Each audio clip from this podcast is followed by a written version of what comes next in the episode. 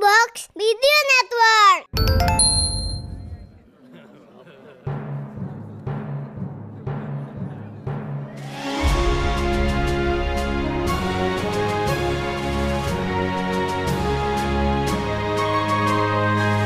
Perhatian, perhatian. Dongeng Paman Geri akan segera dimulai. Semua anak dipersilahkan untuk berkumpul.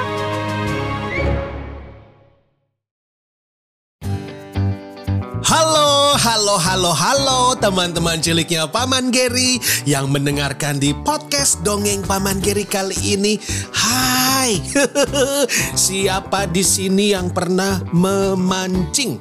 Ada nggak? Pernah ikut memancing? Oh belum pernah? Oh, dulu itu Paman Geri kepengen banget bisa mancing. Tapi kalau mancing, Paman Giri tuh cepat bosen.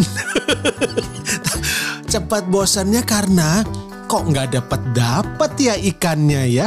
Jadi udah nunggu 5 menit, 10 menit, 15 menit, satu jam nggak dapat dapat ikannya. Ya soalnya Paman Giri mancingnya dulu waktu kecil di comberan depan rumah jadi nggak ada ikannya. Aduh, eh tapi kali ini Paman Giri punya cerita. Ada burung yang bisa memancing.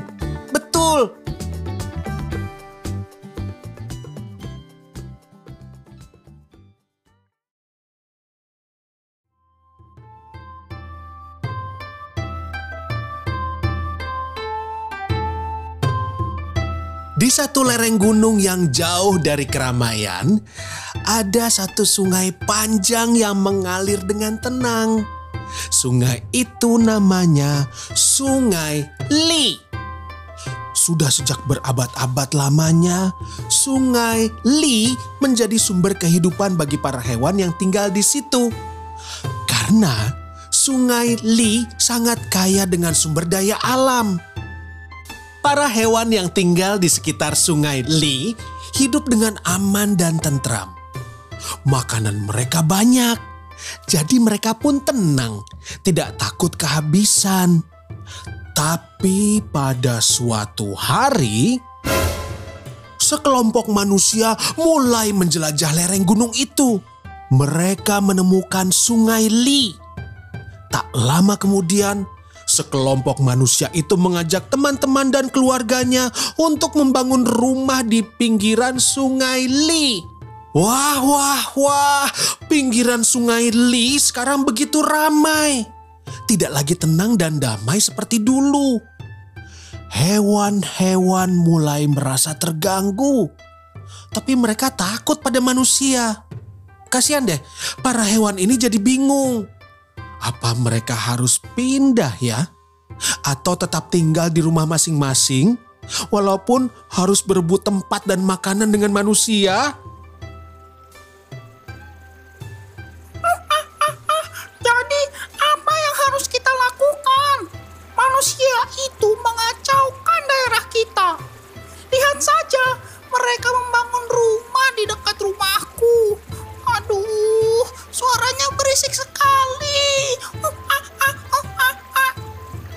Kalau soal berisik, bukannya kau yang paling berisik ya monyet? Enak saja, manusia ini lebih berisik daripada aku. Dan mereka memakan semua jenis buah-buahan. Sepertinya mereka rakus sekali.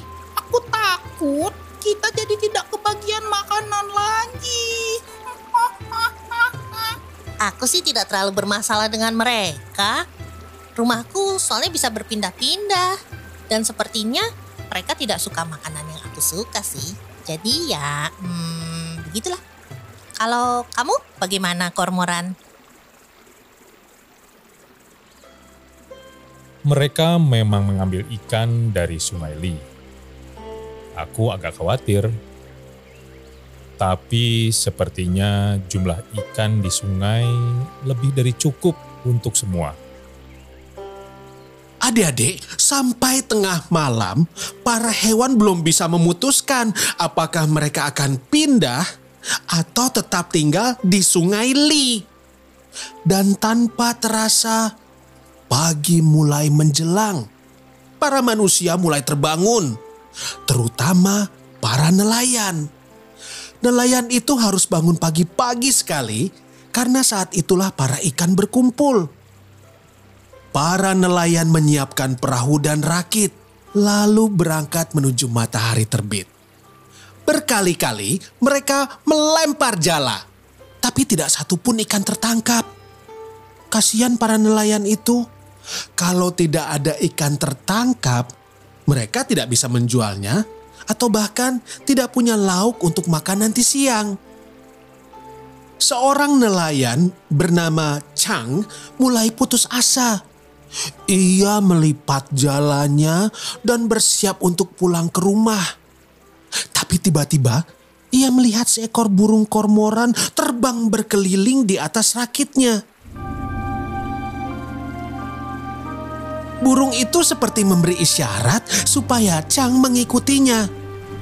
Maka Chang menurut. Ia mengayuh rakitnya menuju sebuah titik di tengah sungai Li. Dan tiba-tiba saja burung kormoran itu terbang menukik masuk ke dalam sungai. Chang terkejut. Ia belum pernah melihat seekor burung melakukan hal semacam itu dan ia menunggu apakah burung itu akan kembali atau tidak ya. Oh ternyata burung kormoran itu keluar dari air dan langsung mendarat di rakit Chang. Wah, untunglah kau selamat. Kupikir kau tak akan bertahan di bawah air. Eh, kenapa kau? Apakah kau tersedak? Burung kormoran menggerak-gerakkan lehernya ke depan dan ke belakang seperti ingin mengeluarkan sesuatu dari kerongkongannya. Dan benar saja, ia mengeluarkan seekor, eh, eh bukan, bukan, dua ek, eh bukan, tiga ekor ikan dari kerongkongannya. Kau bisa memasukkan beberapa ikan ke kerongkonganmu sekaligus ya? Wah, wah, wah, benar-benar burung pemburu yang hebat. Di mana kau tahu di sini banyak ikan? Kormoran hanya mengangguk-ngangguk senang. Dia memakan seekor ikan, lalu mendorong dua ikan lainnya ke arah Chang. Burung itu lalu duduk manis menghabiskan ikannya. Setelah habis, ia kembali melakukan hal yang sama.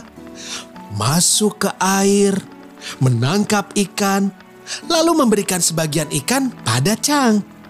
Oh, jadi ini yang kau inginkan, Kormoran. Kita bekerja sama mencari ikan, supaya kau dan aku sama-sama tak kekurangan makanan, iya kan? Ide yang sangat bagus. Aku akan beritahu teman-temanku, dan kau beritahu teman-temanmu ya. Sejak saat itu, persahabatan manusia dan burung kormoran di sungai Li dimulai. Mereka selalu mencari ikan bersama-sama, membagi hasilnya dengan adil, lalu pulang dengan senyum di wajahnya. Pada pertemuan hewan berikutnya, burung kormoran sudah tahu jawabannya ketika ditanya apakah mereka akan pindah dari pinggiran sungai Li. Aku menetap di sini saja. Kami sudah berteman baik kok dengan manusia. Selama mereka menepati janjinya, kami akan hidup berdampingan dengan mereka. Mereka sebenarnya tidak terlalu buruk kok. Eh adik-adik, adik-adik, tahu nggak? Burung kormoran itu kabar-kabarnya pintar menghitung. Jadi manusia tidak bisa mencurangi mereka. Nah, hidup berdampingan dengan saling percaya seperti itu kan enak adik-adik. Burung dan manusia aja bisa. Masa kita manusia dengan manusia maunya berantem? Kan malu dong jadinya. Sampai ketemu lagi dengan Paman Gary.